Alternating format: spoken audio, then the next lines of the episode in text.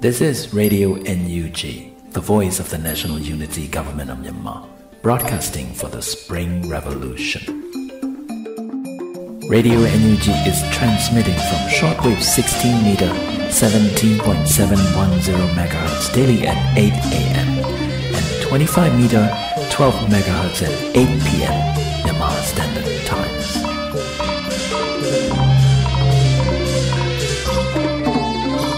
ဂလာပါခင်ဗျာအမျိုးသားညီညွတ်ရေးအစိုးရရဲ့အသံလွှင့်ဌာန Radio NUG ကိုမနေ့၈နိုင်မှာ flight meter 16 meter 19.87 MHz ညဘက်မှာ flight meter 25 meter 12 MHz တို့မှာတိုက်ရိုက်ဖမ်းယူနားဆင်နိုင်ပါပြီမင်္ဂလာအပေါင်းနဲ့ပြည့်စုံကြပါစေခုချိန်ကစပြီး Radio NUG အစီအစဉ်လေးကိုဓာတ်ရိုက်အသံလွှင့်ပေးနေပါ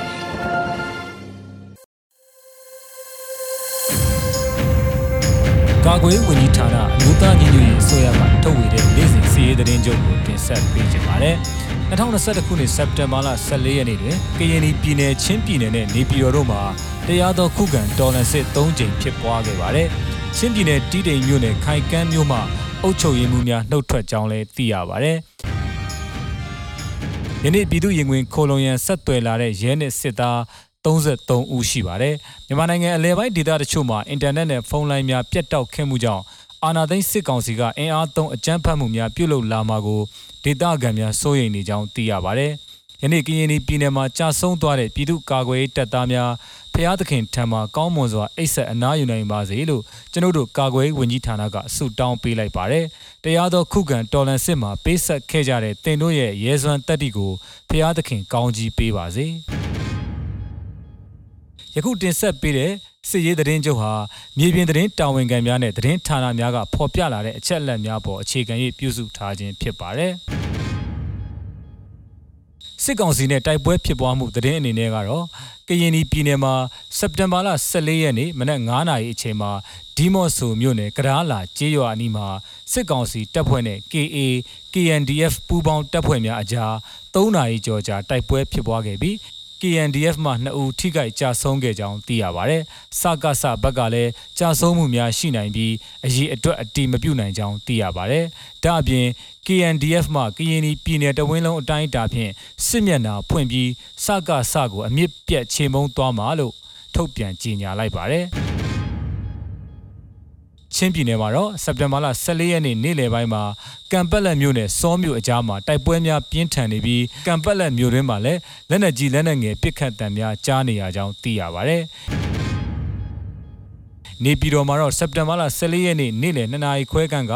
စစ်ဆေးရေးကြမ်းပြီးပြည်သူများကိုနှိပ်စက်နေတဲ့လယ်ဝင်းမြို့နယ်ရှမ်းစုဂိတ်ကိုနေပြည်တော် PDF ကတွားရောက်ပစ်ခတ်ခဲ့ရာဒူရဲအုပ်တအုပ်တေဆုံးသွားကြောင်းသိရပါဗျ။ စစ်ရေးပြစ်မှုမတရားဖမ်းဆီးတပ်ဖြတ်မိရှုတာတွေနဲ့ပတ်သက်ပြီးတော့မကွေးတိုင်းမှာစက်တင်ဘာလ14ရက်မနက်ပိုင်းကဂံကောမြို့နယ်ဟန်တာရီဘက်မှစကစာများထွက်ခွာသွားပြီးအင်ဂျီတရားခန့်ရှိတဲ့ကြောက်ဆယ်ရွာကိုမိရှုတောင်းကျမ်းနေကြောင်းသိရပါဗျ။ကြောက်ဆယ်ရွာသား2ဦးကိုလည်းစက်တင်ဘာလ23ရက်ညကစကစကတပ်ဖြတ်ခဲ့ကြောင်းသိရပါဗျ။စက်တင်ဘာလ23ရက်နေ့မှာမကွေးတိုင်းဒေသကြီးတောင်တွင်းကြီးမြို့နယ်အိုးပေါက်ကြီးရွာမှ တက္ကသိုလ်ကျောင်းသားတအုပ်နဲ့ရွာသား၄ဦးကိုမိုင်တယ်တာဝါတိုင်းဖျက်တယ်လို့ဆွဆွဲကစစ်ကောင်စီခန့်အုပ်ချုပ်ရေးမှုနဲ့စစ်ကားတစ်စီးဆိုင်ကယ်၈စီးဖြင့်လာရောက်ဖမ်းဆီးသွားကြောင်းသိရပါဗျ။စက်တင်ဘာလ23ရက်ည9:00နာရီခွဲခန့်ကနတ်မောင်မြို့နယ်အမိုက်ပင်ရွာမှအမျိုးသား၄ဦးအမျိုးသမီး2ဦးစုစုပေါင်း9ဦးအဖမ်းဆီးခံရကြောင်းသိရပါဗျ။ဒလန်ကသတင်းပေးတာကြောင့်ရွာအတွင်းမှာရှိတဲ့အိမ်တိန်ကိုလည်းဝင်ရောက်ရှာဖွေသွားကြောင်းသိရပါဗျ။ ကချင်ပြည်နယ်မှာတော့စက်တင်ဘာလ14ရက်မနက်ပိုင်းမှာမိုးညင်းမြို့နယ်ပင်ဟဲကြီးရွာမှာရှိတဲ့မိုင်တယ်တာဝါတိုင်းကိုမိရှို့ရန်ကြံရွယ်ခဲ့တယ်လို့ယူဆကလူငယ်၄ဦးကိုတာဝါတိုင်းအနီးတက်ဆွဲထားတဲ့ပြည်သူစစ်များကဖမ်းဆီးသွားခဲ့ကြောင်းသိရပါဗျ။မန္တလေးတိုင်းမှာတော့စက်တင်ဘာလ14ရက်နေ့မှာ တပိတ်ချင်းမြို့နယ်ဝါဖြူတောင်ရွာ၌နနက်၄နာရီဝန်းကျင်အချိန်မှာအမျိုးသားတဦးနဲ့မနက်10နာရီခန့်အချိန်မှာအမျိုးသားတဦးတို့အကြောင်းမဲ့မတရားဖမ်းဆီးခံရကြောင်းသတင်းရရှိပါရယ်။စက်တင်ဘာလ14ရက်နေ့လယ်2နာရီဝန်းကျင်အချိန်မှာမန္တလေးတိုင်းကြောက်ပတောင်းမြို့နယ်ဈေးကုန်းကြီးရွာမှာ NLD ပါတီဝင်အမျိုးသားတအုပ်ကိုစကားစတပ်သားအင်အား20နီးပါးဖြင့်မတရားဖမ်းဆီးခေါ်ဆောင်သွားကြောင်းသိရပါဗျ။ အေယာဝတီတိုင်းမှာတော့စက်တင်ဘာလ23ရက်ည9:00နာရီခွဲခန့်ကမြောင်းမြမြို့မှာခီးသွွားပြည်သူ3ဦးကိုစစ်ကောင်စီတပ်က PDF များဟုဆွဆွဲကဖမ်းဆီးခဲ့ကြောင်းသိရပါဗျ။အလုတ်ကိစ္စဖြင့်မြောင်းမြမြို့မှထွက်သွားပြီးပြန်လည်ရောက်ရှိလာသူကိုဝင်းမင်းအောင်ခေါ်တာကြီးကိုဝင်းမွန်ကျော်ခေါ်နိုင်ဝင်းနှင့်ကိုမျိုးလွင်ဦးခေါ်မျိုးကြီးတို့ကိုမြောင်းမြမြို့အဝင်စစ်ဆေးရေးဂိတ်မှာစစ်ကောင်စီတပ်ဖွဲ့ဝင်များကဖမ်းဆီးခဲ့ခြင်းဖြစ်ကြောင်းသိရပါဗျ။ အထွေထွေသတင်းအနေနဲ့ကတော့စက်တင်ဘာလ14ရက်နေ့မှာ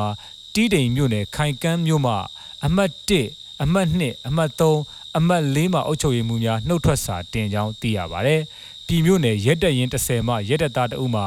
လွန်ခဲ့သောမတ်လ9ရက်နေ့မှာစတင်ပြီး CDM ပြုလုပ်ခဲ့ကြောင်းယနေ့သိရပါဗျ။ စက်တင်ဘာလ14ရက်နေ့မှာ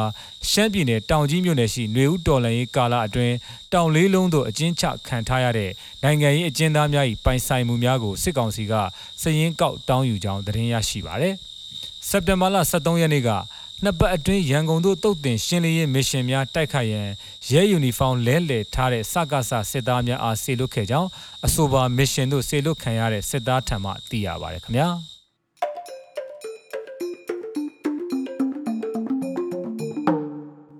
Radio NUG မှာဆက်လက်အသံလွှင့်နေပါတယ်။အခုဆက်လက်ပြီးအမျိုးသားညီညွတ်ရေးအစိုးရနိုင်ငံခြားရေးဝန်ကြီးဌာနမှဝန်ကြီးဒေါ်စင်မအောင်နဲ့တွဲဆုံမေးမြန်းချက်များကို တင်ဆက်ပေးမှာဖြစ်ပါတယ်ရှင်။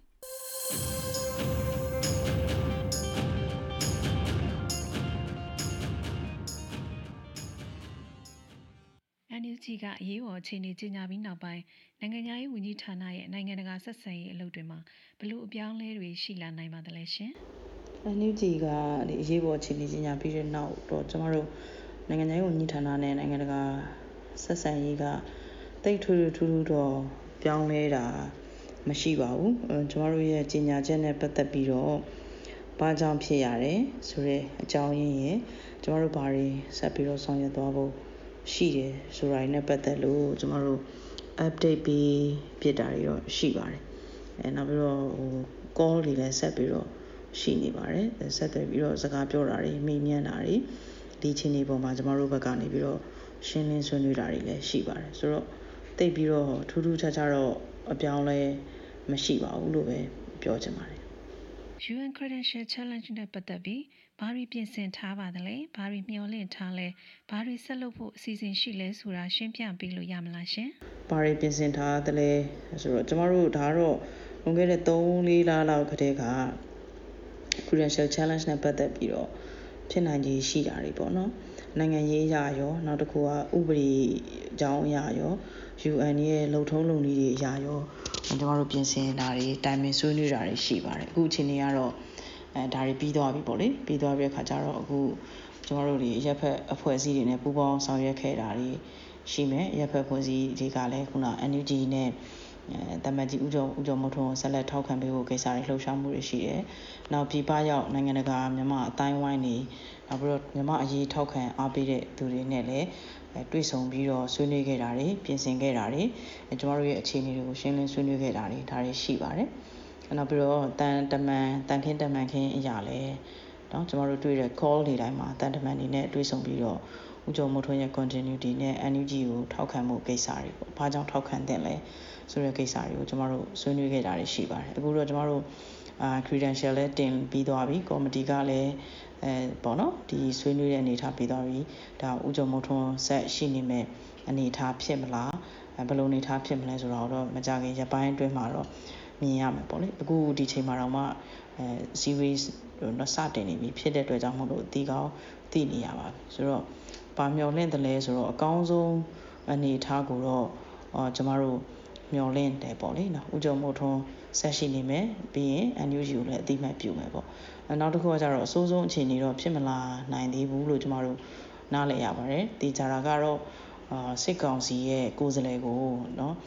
ကမ္ဘာနိုင်ငံတွေကလက်ခံမှာမဟုတ်ဘူး။ဘာဖြစ်လို့လဲဆိုတော့စစ်အာဏာသိမ်းတာကိုလည်းတကမ္ဘာလုံးနဲ့ချီပြီးတော့ ကန့်ကွက်ပြီးတော့စန့်ကျင်ထားတာဖြစ်တဲ့အတွက်ကြောင့်မို့လို့ကုလသမဂ္ဂအနေနဲ့ကတော့စစ်ကောင်စီရဲ့ကိုယ်စားလှယ်ကိုလက်ခံမှာမဟုတ်တာတော့သိကြပါတယ်အဲ့တော့ဒီအဆိုးဆုံးအခြေအနေတော့ဖြစ်လာဖို့ရမရှိဘူးလို့ကျမတို့အဲနားလည်လို့ရတယ်မျှော်လင့်လို့ရတယ်ဆိုတော့ဒါဆိုရင်ဘယ်အခြေအနေဖြစ်နိုင်လဲဆိုတော့အကောင်းဆုံးအခြေအနေကတော့ NUG ကိုလည်းထောက်ခံဥကြုံမိုးထုံးလည်းဆက်ရှိနေမယ်အနေထားပေါ့နော်ဆိုတော့ဒီအနေထားကလည်းဆက်လက်ပြီးတော့ရုန်းကန်ရမယ့်အနေအထားဖြစ်တယ်။ကြားအဖြစ်တစ်ခုထွက်လာနိုင်တဲ့အနေအထားမျိုးရှိတယ်လို့ကျမတို့သုံးသပ်ရပါတယ်။အဲ့တော့ ဒီ General Assembly ပြီးသွားရင်လည်းကျမတို့က NUG ကိုအတိမတ်ပြုဖို့နဲ့ဒီတော်လှန်ရေးကြီးမှာပေါ့နော်ဒီစိတ်ကောင်းစီကိုအတိမတ်မပြုဘဲနဲ့ဒီ NUG ကိုဒါတရားဝင်အစိုးရဖြစ်အတိမတ်ပြုရေးလှုပ်ရှားမှုတွေကတော့ဆက်လက်ပြီးတော့ဆောင်ရွက်သွားရအောင်မှာဖြစ်ပါတယ်လို့ပြောချင်ပါတယ်စီရေးနီလန်းကိုတရားဝင် NUG အစိုးရကကင်ဆွဲထားတဲ့အပေါ်နိုင်ငံရေးနီလန်းတွေနဲ့ထိန်းညှိဖို့စိုးရိမ်ချက်တွေရှိနေတာကိုဗာများပြောချင်ပါသလဲရှင်။စီရေးနီလန်းကိုတရားဝင်ပေါ့နော်ကင်ဆွဲထားတဲ့ကိစ္စတကယ်တော့ စီရေးနီလန်းကိုတရားဝင်ကင်ဆွဲရဲဆိုတာတဲ့ကျမတို့တွေကကျမတို့နိုင်ငံသူနိုင်ငံသားတွေရဲ့အခွင့်အရေးတွေအခြေခံရပိုင်ခွင့်လူအခွင့်အရေးတွေဟာချင်းချောက်ခံနေရတဲ့အပြင်ကိုနေ့စဉ်နဲ့အမျှအဲကျမတို့ပေါ့နော်ဟိုအသက်အိုးအိမ်စီးစိမ်တွေဆုံးရှုံးနေရတယ်ချောင်းလန့်ခံနေရတယ် လူတွေအသက်ခံနေရတယ်ဆိုတဲ့အခါကျတော့စစ်ကောင်စီကအစိုးရမဟုတ်တော့ဘူးပြည်သူလူထုရဲ့အသက်အိုးအိမ်စီးစိမ်ကိုအကာအကွယ်ပေးရမယ့်အစားပြည်သူလူထုရဲ့အခြေခံအခွင့်အရေးတွေနဲ့အသက်အိုးအိမ်စီးစိမ်တွေကိုဖျက်လို့ဖျက်ဆီးလုပ်နေတယ်နေ့စဉ်နဲ့အမျှစက္ကန့်နဲ့အမျှချိန်ချောက်နေတဲ့အနေအထားရှိတယ်ဒီအနေအထားကိုကျမတို့ဘောနော်နိုင်ငံတကာ mechanism တွေကနေပြီးတော့တဆင့်တန်တမန် PR နိုင်ငံရေး PR တွေနဲ့ဖိအားပေးဖို့စ조사ခဲ့ကြတယ်ဆက်လက်စ조사နေတယ် ဒါပေမဲ့စူးစမ်းနေပေမဲ့လည်းစစ်ကောင်စီကသူ့ရဲ့လုပ်ရက်တွေကိုရပ်တန့်သွားခြင်းရှိမနေဘူးပေါ့နော်ရှိမနေတဲ့ခါကျတော့ကျမတို့ကနောက်ထပ်ထပ်ပြီးတော့ဒီထက်ပိုတဲ့ဖိအားပေးမှုတွေလိုအပ်လာပါတယ်ဆိုတဲ့ခါကျတော့ကျမတို့ဒီမှာရှင်းရှင်းလင်းလင်းပြောချင်တာကနိုင်ငံရေးနည်းလမ်းတွေကိုပေါ့နော်ကျမတို့ကလက်လွတ်လိုက်တာ မဟုတ်ပါဘူးအဲ့တော့စစ်တိုက်တယ်စီးရင်နီးလန်းကိုသုံးလာရတယ်ဆိုတာကဒါကဘာကျော်စကားတကွန်းရှိပါတယ်နိုင်ငံရေးဆိုင်ရာကန်ဆိုးမှုမှောင်ကြမှုပါပဲအဲ့တော့ကျမတို့ကနိုင်ငံရေးကိုနိုင်ငံရေးနည်းနဲ့ဖြည့်ရှင်းမရတော့တဲ့အပြင်ကိုကျမတို့နိုင်ငံသူနိုင်ငံသားတွေရဲ့အခြေခံလူ့အခွင့်အရေးတွေရပိုင်ခွင့်တွေကို ချင်းချောက်ခံနေရတယ်ဖျက်ဆီးခံနေရတဲ့အတွက်ကြောင့်မို့လို့ဒါလည်းเนาะဒီနီးလန်းကိုသုံးကြရတာဖြစ်တယ်လို့ကျွန်တော်အနေနဲ့ပြောချင်ပါတယ်အစိုးရိမ်စရာရှိရဆိုတာကကျွန်တော်တို့ပြည်သူလူထုအဖို့ကတော့ထူးပြီးစိုးရိမ်စရာမကောင်းတော့ဘူးဒီစစ်ရေးဒီမသုံးတဲ့အမြဲတမ်းစိုးရိမ်နေရတယ်ကြောက်လန့်နေရတယ်ထိတ်လန့်နေရတဲ့အနေအထားဖြစ်နေတဲ့အတွက်ကြောင့်မို့လို့ကျွန်တော်တို့လူထုအတွက်ကတော့တိတ်ပြီးတော့ပေါ့နော်စိုးရိမ်မှုဆိုတာတဲ့ပို့ပြီးတော့လွန်ကဲတဲ့ နေ့ဆက်နေဆဒုဝဒုက္ခတွေကိုခံစားနေရတာဖြစ်တဲ့အတွက်ပြည်သူလူထုအတွက်ကတော့ဒီစိုးရိမ်မှုတွေကထူးခြားလာမှာမဟုတ်ဘူးလို့ကျွန်မအနေနဲ့ပြောချင်ပါတယ်ဟုတ်ကဲ့နောက်ထပ်ပြည့်စွက်ချင်တာများရှိရင်ပြောပြပေးပါရှင်အဲ့တော့ဟိုပြည်သူလူထုနဲ့အတူကျမတို့ NUG ဟာရှိနေမယ်ပြည်သူလူထုရဲ့နေ့စဉ်ခံစားနေရတဲ့ဒုက္ခတွေခံစားမှုတွေကိုကျမတို့ကိုစားပြုဖို့လို့ NUG ဟာရှိနေမယ်။တပြိုင်နက်တည်းမှာလည်းပဲဒီတော်လန်ရေးဟာတော့တစုတစ်ဖွဲ့ကနေပြီးတော့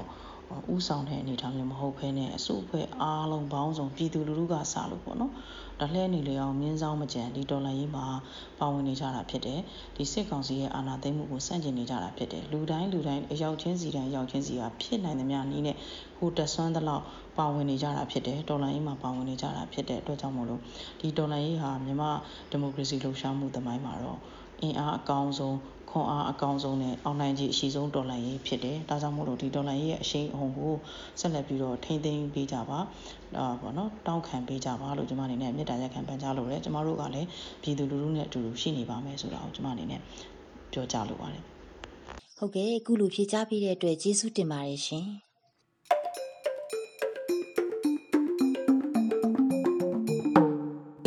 အသွင်တွေကနေ KOB ကိုစိတ်နှစ်ပါးလုံခြုံအေးချမ်းကြပါစေလို့မြစ်တာပို့သလိုက်ရပါတယ်။အခုချိန်ကစပြီးတည်င်းများကိုတင်ဆက်ပေးတော့မှာဖြစ်ပါတယ်။ကျွန်မထထင်ရောင်းပါပထမဆုံးအနေနဲ့အမျိုးသားညီညွတ်ရေးအစိုးရကာကွယ်ရေးဝန်ကြီးဌာနကမြန်မာနိုင်ငံအတွင်းဖြစ်ပွားခဲ့သောတိုက်ပွဲတွေပြိပခဖြစ်စဉ်တွေနဲ့ပတ်သက်တဲ့၃လတာအစီရင်ခံစာထုတ်ပြန်ခဲ့တဲ့သတင်းကိုတင်ဆက်ပေးကြပါမယ်။ မြန်မာနိုင်ငံမှာ3လအတွင်းတိုက်ပွဲနဲ့ပြိပခဖြစ်စဉ်တထောင်ကျော်ဖြစ်ပွားခဲ့ပြီးစစ်ကောင်စီဘက်က1900တေဆုံးခဲ့ကပြည်သူလူထုဘက်က400ကျော်တေဆုံးခဲ့တယ်လို့အမျိုးသားညီညွတ်ရေးအစိုးရကာကွယ်ရေးဝန်ကြီးဌာနကစက်တင်ဘာလ14ရက်မှာထုတ်ပြန်တဲ့အစီရင်ခံစာမှာဖော်ပြထားပါတယ်။ဇွန်လ1ရက်ကနေဩဂုတ်31ရက်အထိဖြစ်ပွားခဲ့တဲ့တိုက်ပွဲတွေပြိပခဖြစ်စဉ်တွေနဲ့ပတ်သက်ပြီးတော့ပြည်တွင်းမီဒီယာ30မှာဖော်ပြထားတဲ့သတင်းတွေနဲ့ ခိုင်မာတဲ့မြေပြင်သတင်းတွေကိုအခြေခံပြီးကာကွယ်ရေးဝန်ကြီးဌာနမဟာဗျူဟာလေ့ကျင့်ရေးနဲ့ Federal တပ်မတော်ရေးရာဦးစီးဌာနတတင်တန်းနဲ့တုတေသနာဌာနခွဲကပြုစုထားတဲ့အစီရင်ခံစာကိုထုတ်ပြန်ခဲ့တာဖြစ်ပါတယ်။တိုက်ပွဲနဲ့ပြိပခဖြစ်စဉ်ဒီအနက်စစ်ကောင်စီတပ်ကအယက်သားတွေအပေါ်အကြမ်းဖက်မှု309ကြိမ်စစ်ကောင်စီအချင်းချင်းပစ်ခတ်မှု18ကြိမ်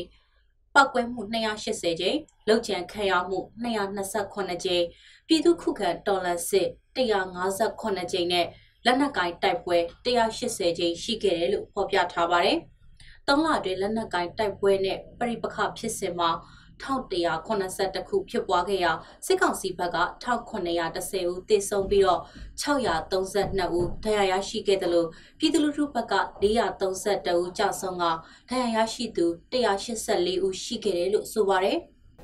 တိုင်းနယ်ပြည်နယ်တွေနဲ့စကိုင်းတိုင်းမှာပြိပခဖြစ်စဉ်အများဆုံးဖြစ်ပွားခဲ့ပြီးကချင်ပြည်နယ်မှာလက်နက်ကိုင်တိုက်ပွဲတွေစကိုင်းတိုင်းမှာပြည်သူတွေရဲ့ခုခံတော်လှန်မှုတွေအများဆုံးဖြစ်ပွားခဲ့တယ်လို့ဆိုပါတယ်။ပောက်ကွဲမှုအများဆုံးကတော့ရန်ကုန်တိုင်းမှာဖြစ်ပွားခဲ့တယ်လို့ဖော်ပြထားပါတယ်။ဇွန်ဇလိုင်းနဲ့ဩဂုတ်3လတာနှိုင်းရှင်ချက်တည်းအရတနိုင်ငံလုံးအတိုင်းအတာနဲ့ပောက်ကွဲမှုဖြစ်စဉ်တွေမှာအရေးအတွက်နှဲပါလာပြီးလက်နက်ကင်တိုက်ပွဲတွေနဲ့ပြည်သူလူထုခုခံတော်လှန်စစ်တွေတဖြည်းဖြည်းများလာတယ်လို့ဆိုပါတယ်။ လက်နက်ကင်တပ်ပွဲနဲ့ပြည်သူလူထုခုခံတော်လှန်စစ်ကြောင့်စစ်ကောင်စီတပ်ဖွဲ့ဝင်တွေတည်ဆုံမှုများပြားခဲ့ပြီးလက်နက်ကင်တိုက်ပွဲတွေကြောင့်စစ်ကောင်စီတပ်သား909ဦးတည်ဆုံက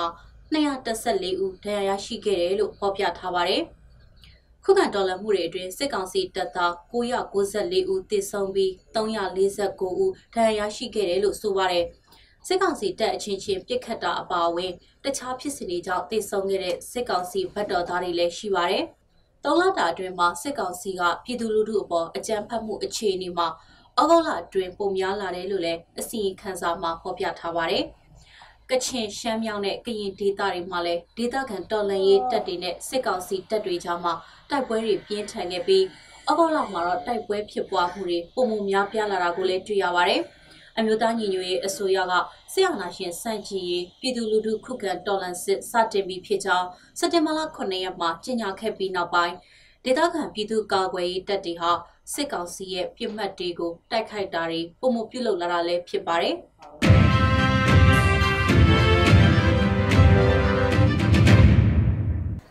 ပြီးသခိုင်းနဲ့မကွေးကအကြမ်းဖက်စစ်ကောင်စီတပ်တွေကျူးလွန်တဲ့ရာဇဝတ်မှုတွေအကြောင်းလူ့အခွင့်အရေးကောင်စီကို NUG အစီရင်ခံစာတင်သွင်းခဲ့တဲ့အကြောင်းတင်ဆက်ပေးမှာဖြစ်ပါတယ်။ကုလသမဂ္ဂလူ့အခွင့်အရေးကောင်စီရဲ့48ကြိမ်မြောက်ညီလာခံကိုဆွစ်ဇာလန်နိုင်ငံဂျီနီဖာမြို့မှာမနေ့ကစတင်လိုက်ပြီးတော့အရင်ညီလာခံမှာဆုံးဖြတ်ထားတဲ့အတိုင်းမြန်မာကိုယ်စားလှယ်ကိုတက်ရောက်ခွင့်မပြုသေးဘူးလို့ NUG လူ့အခွင့်အရေးဆိုင်ရာပြည်ထောင်စုဝန်ကြီးဦးအောင်မျိုးမင်းကပြောပါရယ်။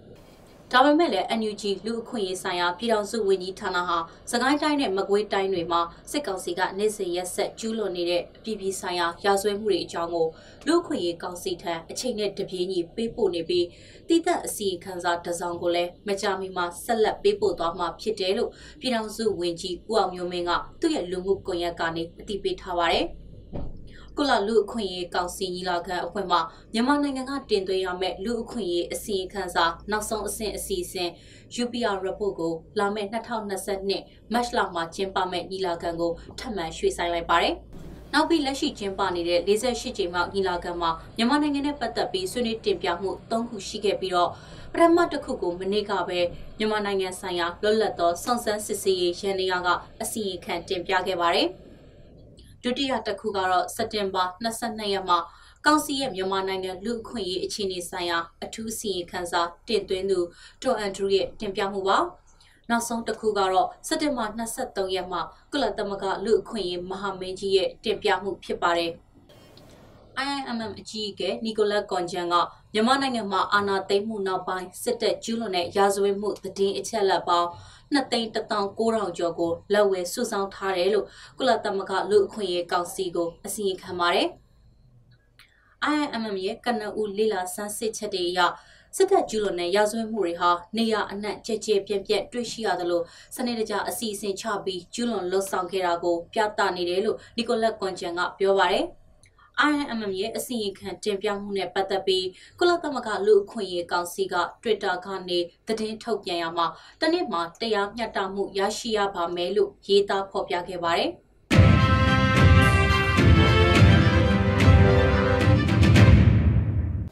အခုဆက်ဆက်လက်ပြီးတော့ဒီကနေ့ညနေပိုင်းမှာပဲစကိုင်းတိုင်းအတွင်းနေရာတချို့မှာအင်တာနက်လိုင်းတွေပြတ်တောက်နေတဲ့သတင်းကိုတင်ဆက်ပေးမှာဖြစ်ပါတယ်။ အကြံဖတ်စစ်ကောင်စီကိုခုခံတော်လန်စစ်တီဆင်နွှဲမှုများပြားနေတဲ့စကိုင်းတိုင်းအတွင်းတချို့မြို့နယ်တွေမှာအင်တာနက်လိုင်းတွေပြတ်တောက်သွားကြောင်းဒေတာကန်တချို့စီကတဆင့်သိရပါဗျ။ယနေ့နေ့လယ်12နာရီခန့်လောက်ကစတင်ပြီးစကိုင်းတိုင်းတွင်းမှာရှိတဲ့ကနီရင်းမာပင်ပလဲအရာတော်ဝလက်စတဲ့မြို့နယ်တွေမှာအင်တာနက်လိုင်းတွေပြတ်တောက်နေတယ်လို့ဒေသခံတွေကဆိုထားတာပါကနီဆိုဖုန်းလိုင်းတွေပါမရတော့ဘူးလို့လည်းစကိုင်းတိုင်းဒေသခံတအုပ်ကပြောပါရယ် စကိုင်းတိုင်းအတွင်းအကြမ်းဖက်စစ်ကောင်စီကစစ်စင်ရေးပြုလုပ်မယ်လို့သတင်းတွေထွက်ပေါ်နေတဲ့အချိန်မှာအင်တာနက်လိုင်းတွေအခုလိုပြတ်တောက်ခဲ့တာလည်းဖြစ်ပါတယ်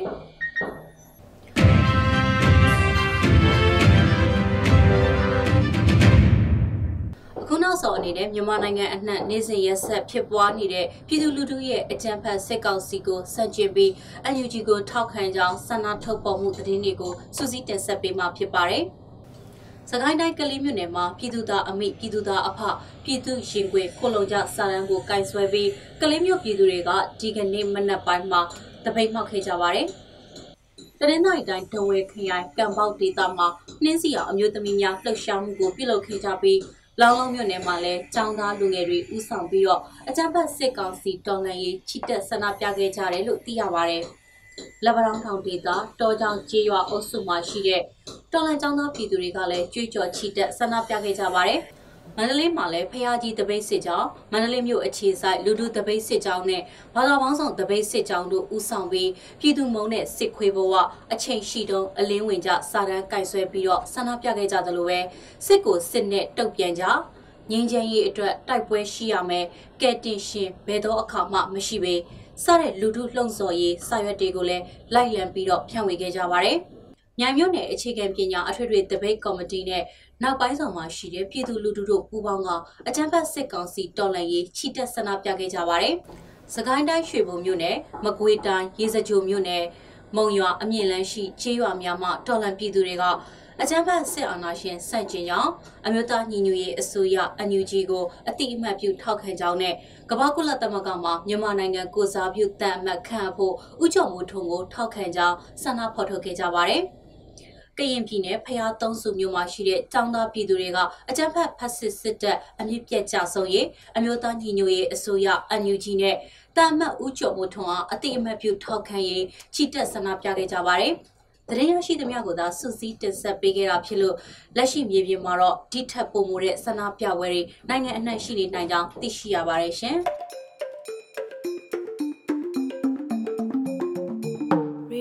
ချီမှာဆက်လက်အသံလွှင့်နေပါတယ်။အခုနောက်ဆုံးအနေနဲ့ကိုမင်းကိုနိုင်တဲ့အင်တာဗျူးအစီအစဉ်ကိုနားဆင်ရမှာပဲဖြစ်ပါတယ်ရှင်။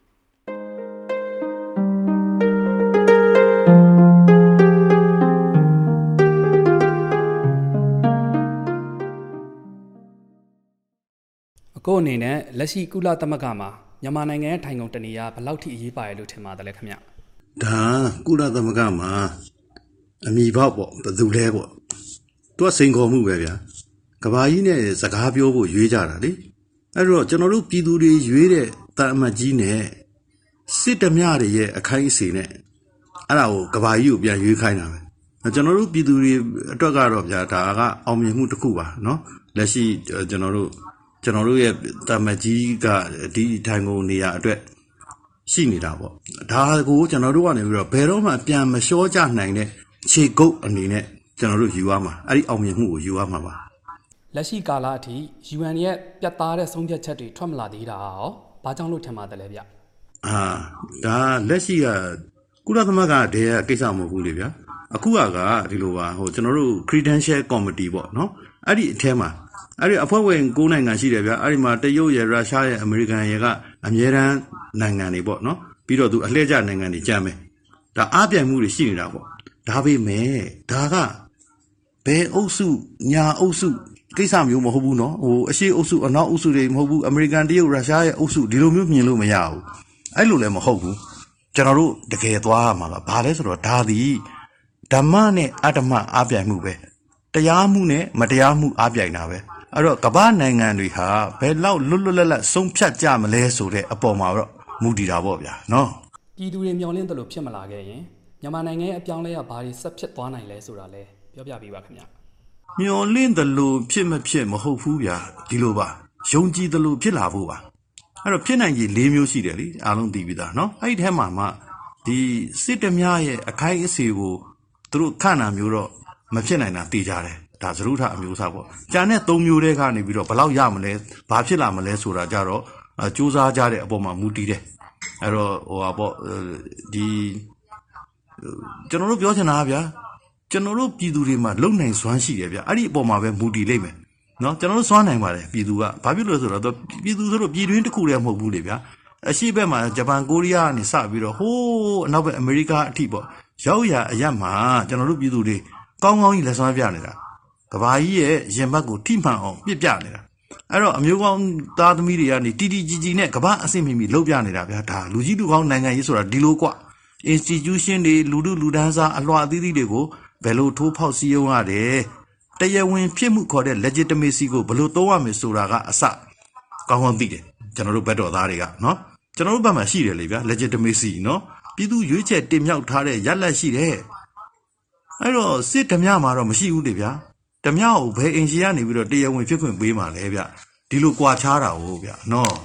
ပြည်သူတွေအားလုံးကိုရောအကိုအနေနဲ့ဒီတော်လန်ရေးခီးရှေ့ကြနေမှုကိုဘယ်လိုများအပေးချင်ပါသလဲ အထူးထွေတော့မရှိပါဘူးကျွန်တော်တို့ပြည်သူတွေမှာအောင်စိတ်ရှိပါတယ်ကျွန်တော်တို့အချင်းချင်းမျှဝေကြတယ်နော်အသိပညာတွေဤပညာတွေမျှကြတယ်ဝေကြတယ်နော်ပြည်ရင်းပြည်ပနဲ့ဒီနိုင်ငံရေးအရာတိုက်ပွဲတွေအားလုံးအတွက်ဘယ်လိုတိုက်ရမလဲဘယ်လိုမှနိုင်မယ်ဘယ်သူကနော်တာဝန်ယူမယ်ဘယ်လိုတာဝန်ယူမယ်ပေါ့အစသဖြင့်ခွဲနေကြတာဒီလိုဗျာကျွန်တော်ဆိုလိုတာကဗျာဥစ္စာတဏတွေလှူကြတန်းကြတာတွေကရှိတယ်တပိုင်းနောက်ပညာရပ်ဆိုင်ရာတွေနဲ့ဝင်ပြီးတော့ပါဝင်ကြတာရှိတယ်တပိုင်း နောက်တော့ကမိမိရဲ့အခြေအနေလုံအားတွေပေးပြီးတော့လုံနေကြတာရှိတယ်ဘဝတွေအသက်တွေပေးပြီးလုံနေကြတာရှိတယ်ဆိုတော့အချိန်တွေလုံအားတွေပေးနေတာကကဘာကြီးမှာနော်ဘယ်နေရာရောက်ရောက်သူတို့တွေကကျွန်တော်တို့ကလစ်တစ်ချက်နှိပ်လိုက်တာနဲ့ဟလာကျွန်တော်တို့ဒီဟို NUG နဲ့တကွာပေါ့နော်ကျွန်တော်တို့ဘက်တော်သားတွေ CDM တွေစရှိတဲ့ဖြစ်ပေါ့နော်ရောင်မငွေတွေ့တဲ့လုံနေကြတာခင်ဗျာလူတယောက်တည်းကိုဖုန်းသိန်းသုံးလေးလုံးလက်တော့တွေပါဖွင့်ပြီးတော့တပြိုင်နက်အဲ့ဒါ click လုပ်နေကြတာတွေရှိသလိုဟိုမှာ ဟိုဟိုစစ်တပ်နဲ့ရဲကထွက်လာမဲ့သူတွေအတွက်เนาะ CDM လုပ်မဲ့သူတွေအတွက် call center တွေမှာယာနဲ့ချီပြီးတော့24နာရီလုံလုံနေကြတာဗျာဒီလိုပဲဗျာကိုတတ်နိုင်ရပေါ့ပကြီးနဲ့ကာတွန်းနဲ့ကြပြာနဲ့အငိတ်နေတရုပ်ဆောင်နေအားလုံးက24နာရီတိုက်နေတာအဲ့တော့ပြည်သူတရလုံးနဲ့အတူတူတိုက်နေတာသူတို့ဘယ်နှသိန်းရှိလာလဲအဲ့ဒါအဲ့ဒါကဘယ်လိုနိုင်မှာလဲကျွန်တော်ပြောတာပြည်တွင်းမှာနေတန်း90ကျော်နော်ပြည်ပရောက်တဲ့တန်းပေါင်းများစွာအဲ့ဒါက ငုတ်တုတ်ထိုင်နေတာမဟုတ်ဘူးအလုပ်လုပ်နေကြတာကောင်းစွာထိရောက်တဲ့အလုပ်တွေကိုလုပ်နေကြတာဖြစ်တဲ့အတွက်ကြောင့်ကျွန်တော်တို့ပြည်သူတွေကနိုင်ပြီးသားဖြစ်တယ်နော်အောင်ပွဲကိုအပြည့်အဝခံယူဖို့ပဲဖြစ်တဲ့အတွက်ကြောင့်အောင်စိမ့်နဲ့ပဲသွားမှာပါအထူးအထွေမရှိဘူးအပြန်အလှန်ပဲလက်ချင်းချိတ်ပြီးတော့ရုံရုံကြည်ကြည်နဲ့သွားဖို့ပဲလိုပါတယ်ကျေးဇူးပါခင်ဗျရေတော်ဘုံအောင်ရမည်ရေတော်ဘုံအောင်ရမည် ဒီကနေ့တော့ဒီညနဲ့ပဲ Radio NUG အစီအစဉ်လေးကိုကိတ္တရန်နာလိုက်ပါမယ်မြန်မာစံတော်ချိန်မနေ့၈နာရီညနေ၈နာရီတို့မှာပြန်လည်တွေ့ဆုံကြပါစို့ Radio NUG ကိုမနေ့၈နာရီမှာ flight meter 16 meter 19.87 MHz ညဘက်မှာ flight meter 25 meter 12 MHz တို့မှာတိုက်ရိုက်ဖမ်းယူနားဆင်နိုင်ပါပြီ။မြန်မာနိုင်ငံသူနိုင်ငံသားများ ကိုစိတ်နှပြချမ်းမာချမ်းသာလို့ဘေးကင်းလုံခြုံကြပါစေလို့ Radio NUG အဖွဲ့သူဖွဲ့သားများဆုတောင်းပေးလိုက်ပါတယ်။အမျိုးသားညီညွတ်ရေးအစိုးရရဲ့ဆက်သွယ်ရေးသတင်းအချက်အလက်နဲ့ဤပညာဝန်ကြီးဌာနကထုတ်လွှင့်နေတဲ့ Radio NUG ဖြစ်ပါတယ်။ San Francisco Bay Area ခြေဆိုင်မြန်မာမိသားစုများနဲ့နိုင်ငံတကာကစေတနာရှင်များလုံအားပေးများရဲ့ Radio NUG ဖြစ်ပါတယ်။အရေးတော်ပုံအောင်ရမည်